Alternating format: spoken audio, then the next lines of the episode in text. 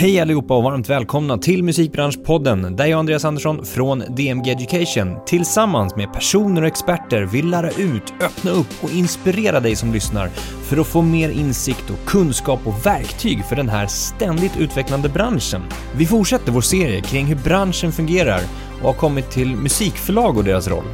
Här träffar jag Titti Mangert som har lång och bred erfarenhet från branschen. Sammanfattningsvis är ju då musikförlag den aktör i musikbranschen som jobbar med låtskrivare och kompositörer.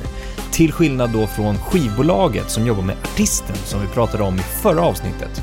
I dagens avsnitt får du lära dig allt om vad ett musikförlag jobbar med, vilka olika roller och avdelningar finns till exempel på ett musikförlag och även Tittis bästa tips om du vill jobba på just ett musikförlag.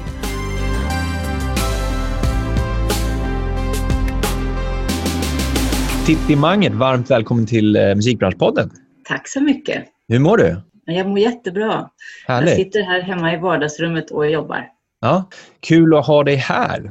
Eh, vi ska ju prata om musikförlag och eh, den rollen, den eh, aktören i musikbranschen. Du är ju nybliven ordförande i, i organisationen Musikförläggarna och eh, du driver även musikförlaget Arctic Rights. Ja. Så du har ju erfarenhet av att, att eh, jobba med musikförlag, eller hur? Ja, det har jag. Just eh, musikförlagsverksamhet har jag bara, bara jobbat med i två år, men jag har ju varit i branschen sedan 1986, så, där jag började på STIM, så att jag, jag, jag kan de här flödena som, som gäller för musikförlagen. Exakt, och det är lite intressant, just det där flödena. Vi kommer lite in på det, eh, vad det innebär och hur, hur man kan tänka där. Um, men, men om vi börjar den änden. Vi ska prata om musikförlag, vad det nu är. Och, och, och um, Ett musikförlag eh, traditionellt sett representerar ju en låtskrivare, en upphovsperson. Uh, eller flera upphovspersoner, flera låtskrivare. Uh, men det är den rollen. Vad, vad, har, om vi backar lite grann, traditionellt sett, vad, vad är musikförläggarnas roll, eller musikförlagens roll i musikbranschen? Ja, alltså musikförlagens roll har ju förändrats över tid. Och initialt så var, var man ju främst ett notförlag eh, på förra, i förra århundradet. Eh, men det har ju övergått mer till att man eh, arbetar med kompositören och låtskrivaren och utvecklar dem i sitt eh, komponerande och låtskrivande. Så att det har förändrats lite över tid. Men, men musikförlagen är en viktig del i värdekedjan i musikbranschen där man länkar ihop eh, mellan låtskrivare och artister, vilket inte alltid är samma personer, eh, för att få ut eh, låtskrivarnas och kompositörernas eh, musik eh, rent kommersiellt. Ja, men exakt. Och länka ihop, det är en viktig, viktig aspekt i det hela där. Ehm, men det blir ju lite knepigare med det du nämner, att, att, att eh, låtskrivare och artist inte är alltid detsamma, men det kan vara samma också, person. Och Det är väl där det kan bli lite knepigt att förstå hur det hänger ihop och hur olika samarbeten hänger ihop. Ja, det är många som, många som har problem att förstå det och, och, man benämner ofta att vi jobbar med artister och vi gör ju det ibland men det är inte i deras roll som artist som vi jobbar med dem utan det är deras roll som låtskrivare. Exakt. Men det här med, vi, vi går tillbaka till notförläggandet. Vad innebär det för någonting? För förr i tiden så tryckte man ju faktiskt noter för att andra skulle kunna spela upp verk kan man väl sammanfatta det med. Ja men precis. Eh, det, det, då handlade det om att man, man renskrev noter, man tryckte noter och man, man sålde och spred noter eh, tidigare. Och hela den här värdekedjan har också förändrats eh, med, med, hjälp av nätet. Eh, så man kan egentligen säga att det gäller att hänga med i förändringen. Även om mm. vi förändras ganska lite så är det väldigt mycket runt omkring oss som förändras som vi måste förhålla oss till. Och det är även faktiskt en utmaning och speciellt för notförlagen skulle jag säga. Ja, precis. Och, och det här med notförlag förr i tiden, då fanns det inte inspelad musik om vi backar ännu längre tillbaka där. Och då fanns det ingenting att lyssna på och då var ju noterna spridningen av musiken så att säga. Ja, det stämmer. Om vi tittar på lite grann hur det har utvecklats till idag då, då är det inte jättemycket notspridning i fysiskt format.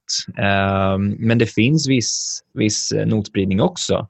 Eh, men men ett, ett förlag som sådant jobbar ju fortfarande med, med låtskrivare, upphovspersoner. Eh, och man brukar kalla det, eller om vi går in på de olika eh, arbetsuppgifterna, så jobbar väl ett förlag med tre huvudpelare, kan man kalla det för? Ja, vi brukar säga att vi har tre ben. Ett musikförlag har traditionellt tre ben. Mm. Eh, och det är att man jobbar med den kreativa sidan, man jobbar med den administrativa sidan och man har en finansiell roll också.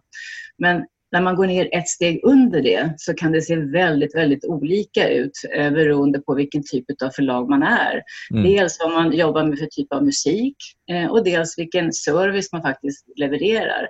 Och, och, till exempel då eh, ett notförlag jämfört med ett litet indieförlag som jobbar med att utveckla eh, låtskrivare. Mm. Kan man säga att man lägger olika, liksom mycket fokus på de olika eh, delarna? Ja, men det gör man. Och, och, eh, man ska också då som låtskrivare eller kompositör söka sig till rätt musikförlag som kan leverera de tjänster som, som man behöver. Ja, exakt. Om vi dyker ner på, på varje huvuddel, då, den kreativa, vad innebär den rent liksom, arbetsmässigt? Vad gör man i den kreativa rollen som musikförlag? Alltså, återigen kan det se väldigt olika ut. Men, men jag skulle vilja säga att de här komponenterna finns med på något sätt. Att, eh, en del är att man faktiskt ska, ska hitta talang. Man, man söker talang eh, och man ska attrahera redan etablerade talanger för vidareutveckling. Men när man då har, har hittat talangen så eh, behöver man utveckla talangen på, på olika sätt. Man sätter upp mål för hur, vart man ska nå någonstans. Eh, och när man då har gjort det så gäller det att skapa den rätta kreativa miljön för låtskrivaren eller kompositören.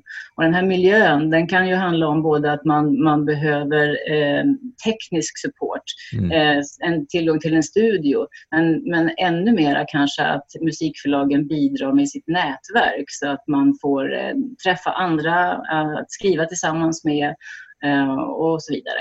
Men vi jobbar även då med när låtarna är skapade eh, och pitchar dem. Eh, man pitchar låtskrivarna och man pitchar eh, låtarna för att eh, låtarna ska bli released.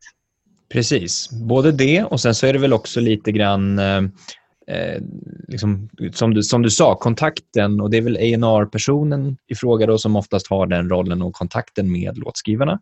Eh, vi kommer ju fokusera på den rollen i ett annat avsnitt här längre fram och förklara mer detaljerat vad, vad en A&R-roll innebär. Eh, så det är den kreativa delen i det hela. Om vi sen går vidare, det, man, man, kan ju nästan se det som ett flöde också, eller hur? För att I den kreativa, då, då, skap, då signas det, det skapas en låt. Eh, låten ska sen synkas, eh, antingen med, med, med en, en reklamfilm eller en spelfilm eller tillsammans med en artist som släpper musiken. Och sen kommer väl den administrativa eh, delen i det hela, va? Ja, man kan, man kan säga så, men egentligen så tycker jag att de går lite in och ut i varandra under resans gång. Så att mm. eh, när, när, du signar någon så behöver du till exempel direkt in med administration för att registrera om alla verken och du vet, skriva avtalen och så vidare. Men, men visst kan man säga att det är, är tre olika flöden. Men, men på adminsidan då så jobbar man just med verkregistrering. Man jobbar med att ta hand om avräkningar när de kommer eh, och innan det så hjälper vissa förlag till att rapportera in konserter till exempel. Ehm, en, en viktig del som, som musikförlag sysslar med är royalty tracking. Eh, där man kan bevaka eh, om, om en låtskrivare eller, eller en artist talar om att de har haft en konsert i utlandet så kan man bevaka det genom STIM och de utländska sällskapen som STIM jobbar med. Men på adminsidan skulle man också kunna lägga in licensieringsarbetet som görs vidare. Eh, och ett förlag kan till exempel licensiera stora rättigheter eller eh, då print eh, eller också för synklicensiering. Just det. Och licensiering i det här fallet innebär då att man får under en viss period tillåtelse att använda ett visst material. Kan man säga så? Ja, det kan man säga. Och inom ett visst territorium på ett visst sätt. Alltså det är många, många parametrar i hur, hur den där licensen bestäms. Precis. Eh, det du nämnde med, med, eh, med um avräkning, vad betyder det? Det betyder att eh, till största del så kommer avräkningen från ett sällskap som STIM Eh, till musikförlaget. Eh, och då granskar vi avräkningen och ser att eh, rätt betalning har kommit in. Och man ser till så att låtskrivaren får den andel som de ska ha enligt det kontrakt som ligger bakom mellan låtskrivaren och musikförlaget. Och sen så går vi in på den tredje och sista pelaren, då, den finansiella biten. Ja, i den finansiella biten så jag tänker ju många ofta på att ja, det handlar bara om förskott. Mm. Men det handlar inte bara om förskott utan det kan även handla om att man, man förlaget investerar i, i låtskrivare och eh, bidrar med eh, finansiering för resor eller camps eller annat. Eh, mm. Man, man eh, arrangerar camps för att de egna låtskrivarna ska kunna arbeta med andra låtskrivare, till exempel. Men, men det handlar också om, och här glider man in lite på admin också, men mm. att se till så att man har en bra representation utomlands. Så att man eh, har subförlag som jobbar eh, i andra länder för att se till så att verken är rätt registrerade hos de sällskapen. Och visst, det här ska fungera mellan sällskapen. Eh, när, man, när man registrerar sitt verk till STIM så ska det spridas över hela världen. Och i många fall så gör det det. Men eh, incitamentet hos Jastrak i Japan är inte så jättestor att identifiera utländsk musik. Så att därför är det bra att ha någon på plats som verkligen säkerställer att låtarna är rätt registrerade där exempelvis. Okej. Okay. Mm. Eh, och Det här med förskott, det, det, är ju någonting som, som du nämnde som, som kan vara aktuellt, men kanske inte i alla fall. Eh, men att få ett förskott, alltså ett ekonomiskt förskott för att kunna eh, för att låtskrivaren i, i, sin tur ska kunna skapa. Ja, det stämmer och det är en väldigt viktig poäng att när man söker sig till ett musikförlag som låtskrivare så är det bra att man har klart för sig eller, eller tar reda på vad det är egentligen för behov man har. Ja. Man kanske inte har behov av finansiering och då är det en onödig komponent. Men den möjligheten kan finnas eh, att få ett förskott för att man i lugn och ro ska kunna komponera eller skriva låtar. Mm. Det är en jättebra poäng. Vi har sagt det förut i, i flera andra avsnitt, det här med att liksom, gå tillbaka till dig själv och din egna roll. Är du artist eller är du låtskrivare? Vad är det du behöver för någonting? Vad är det du vill för någonting?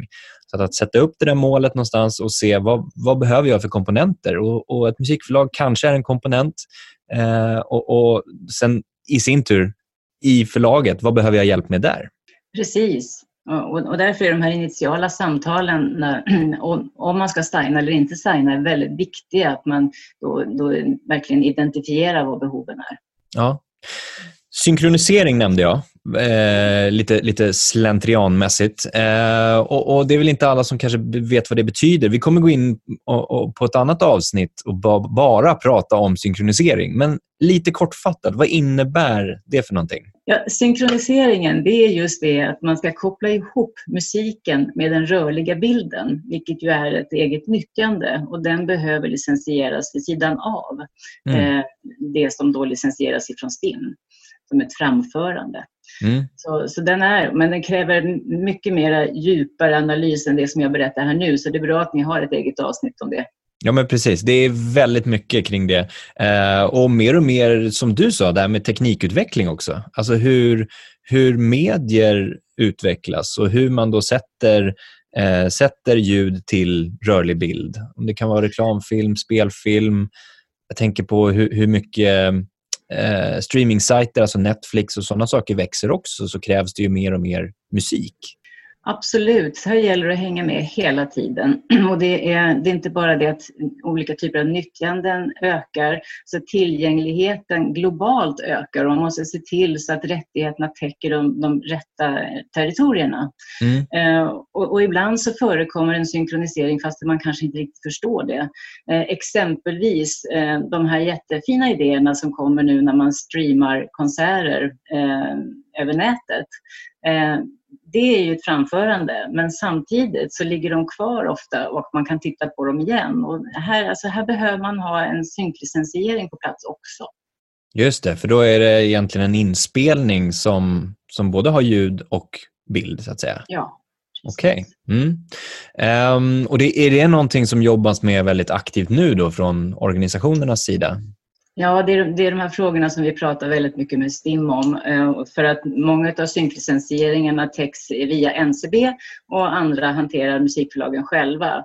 Och här gäller det att se till att man får, får snabbt till enkla och bra licensieringsmodeller för att eh, vara med eh, när förändringen sker och inte komma i efterhand flera år efter. För att det händer hela tiden nya typer av nyttjanden. Exakt, ja, vi kommer ju se extremt mycket mer utveckling framöver. Jag tänker att vi ska gå in på eh, lite grann rollerna i ett musikförlag. Eh, vad finns det för exempel på olika arbetsroller eller titlar?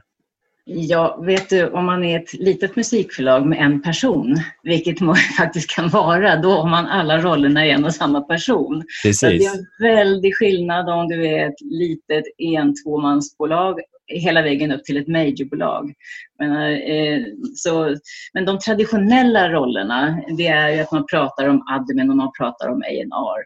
Sen är det ofta så också att man synklicensieringen har en egen liten prägel. Men, men under de eh, rollbenämningarna så finns det väldigt många olika typer av eh, arbete som man kan göra. Det mm. finns jättemycket roligt jobb att göra på ett musikförlag kan jag säga. Exakt, det är inte bara att sitta och registrera verk eller att, att eh, synka verk eller att eh, ja, jobba med den administrativa delen, som jag tror många kan ha en uppfattning om. Nu måste jag ändå säga att den rollen är ganska rolig också. Ja, ja men det är ju bra. Det är um, helt rätt.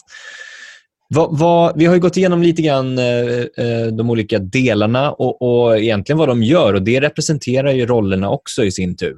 Eh, vad, vad de här rollerna eh, arbetar med, så att säga. Men det är precis som du säger, ett mindre bolag såklart så har man alla hattarna på samma person. Eh, ett större majorbolag kanske har olika avdelningar för olika eh, delar i bolaget och sådär.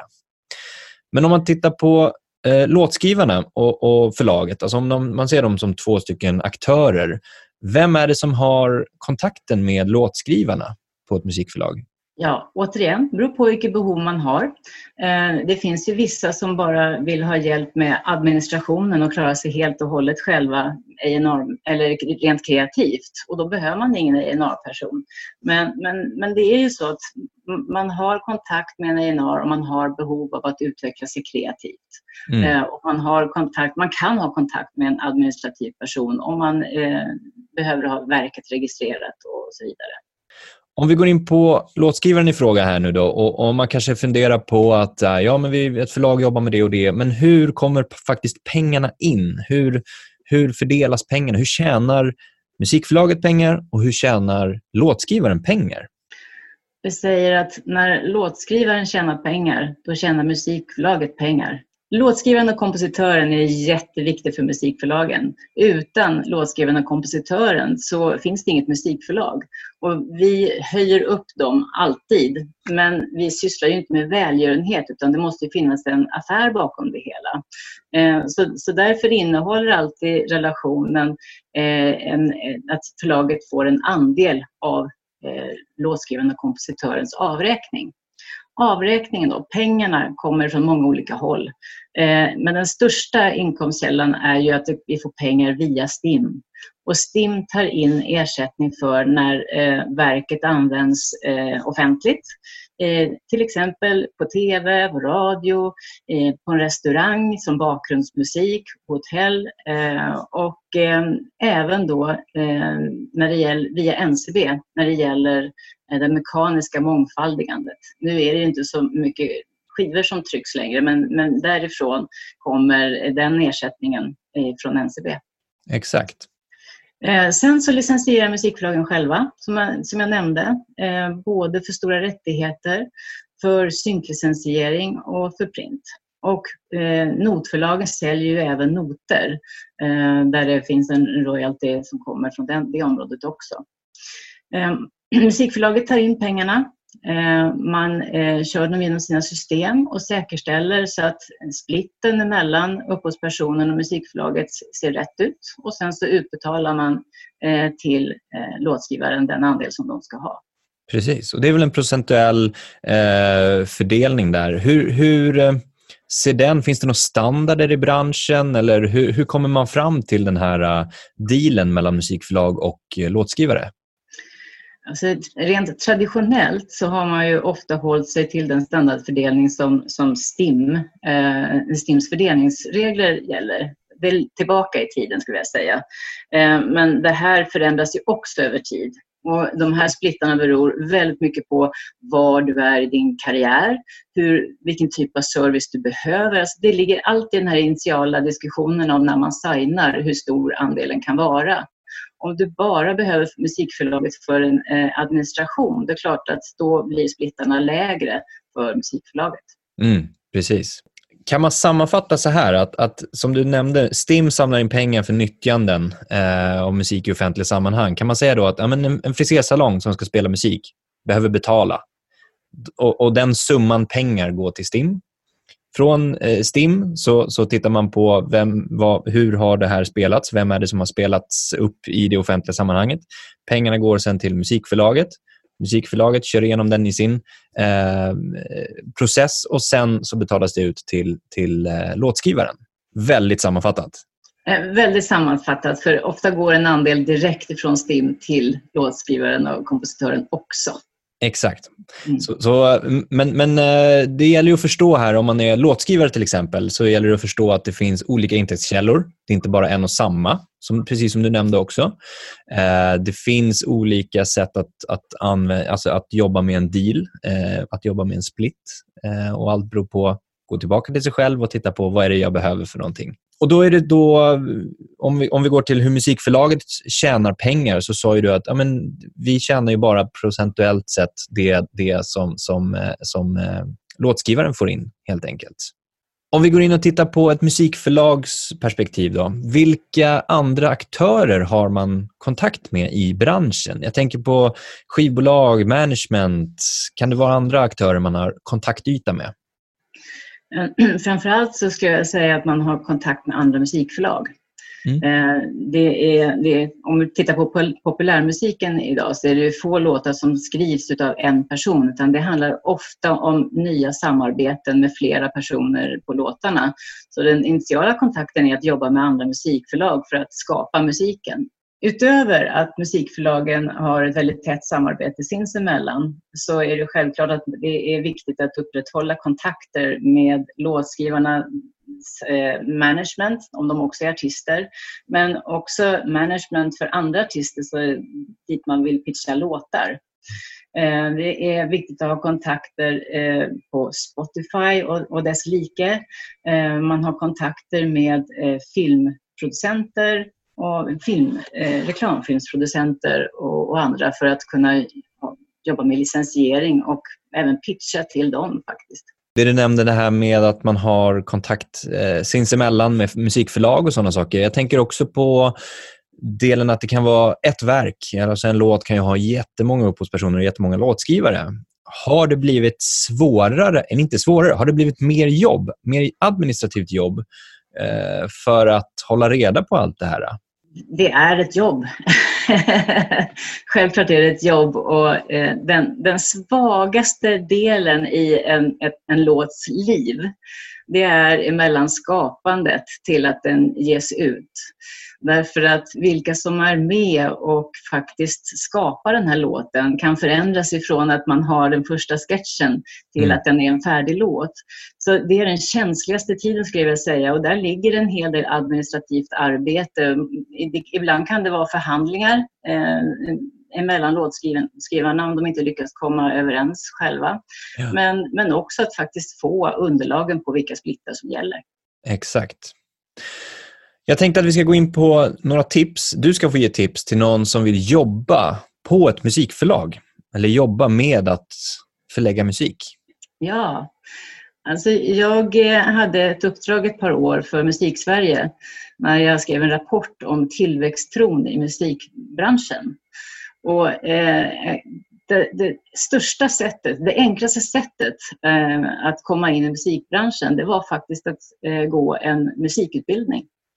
Eh, musikutbildningarna är en väldigt bred rekryteringsbas för musikbranschen. Så jag skulle nog rekommendera att man skaffar sig en bra utbildning eh, där man inte bara skaffar sig kompetensen utan att man faktiskt börjar starta sitt nätverk och ett bra nätverk i musikförlagsbranschen, det är A och O. Mm. Härligt. Bra sammanfattat. Eh, Titti, supertack eh, för att du ville ställa upp och, och, och, förklara lite mer kring vad ett musikförlag är, vad det gör för någonting eh, med din expertis. Tack så mycket. Det var bara roligt. Tack för att du har lyssnat. Nästa avsnitt släpps redan om en vecka och kommer handla om vad en A&R är och hur den jobbar. Ta hand om er ute så länge så ses vi nästa vecka.